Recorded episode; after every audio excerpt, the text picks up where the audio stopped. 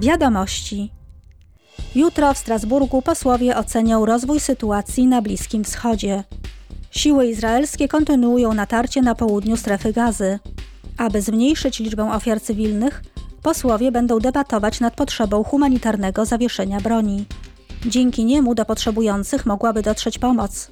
Posłowie powtórzą również swój apel do Hamasu o uwolnienie wszystkich pozostałych zakładników, którzy zostali wzięci do niewoli 7 października podczas ataku Hamasu na Izrael. Również jutro parlament będzie dyskutować o zniszczeniach środowiska, jakie spowodowała Rosja w wojnie przeciwko Ukrainie. Konflikt doprowadził do ogromnego zanieczyszczenia powietrza, wody, ziemi i gleby, a także do zniszczenia ekosystemów. Szkody środowiskowe mogą rozprzestrzenić się na sąsiednie kraje. Szacunki oparte na ukraińskich inspekcjach środowiskowych określają koszt zniszczeń środowiska spowodowanych inwazją Rosji na ponad 50 miliardów euro. Parlament będzie jutro głosować nad tzw. Tak dyrektywą śniadaniową.